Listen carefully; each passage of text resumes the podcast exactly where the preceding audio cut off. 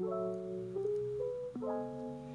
guys, balik lagi di College Talk with Nix Kenalin nama gue Kinanti Sasikirana dengan NPM 210104210053 Asal gue dari Bandar Lampung. Setelah di episode sebelumnya kalian udah dengar motivasi dari Tata tentang tujuan kuliah yang pastinya seru banget. Nah di episode sekarang gue bakal sharing-sharing ke kalian tentang gimana sih cara belajar gue selama ini Pasti udah pada penasaran kan? Jadi cara pertama yang harus lo lakuin yaitu cari tahu dulu apa motivasi dan tujuan lo. Nah karena udah dikasih tahu di episode pertama, jadi buat kalian yang masih bingung sama tujuan kalian, yuk bisa banget buat dengerin episode pertama di podcast ini.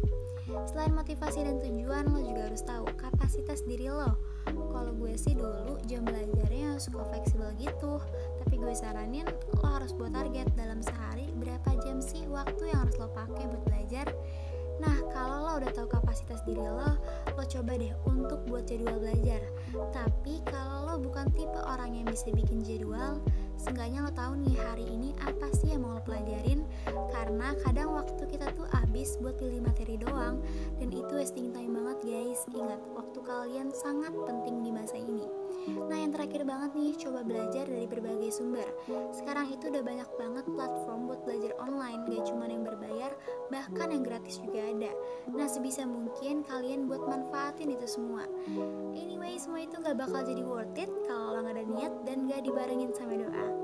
Gak kerasa banget ya gue udah nemenin kalian kurang lebih selama 2 menit. Makasih banget yang udah mau dengerin sampai habis lupa juga buat jaga kesehatan.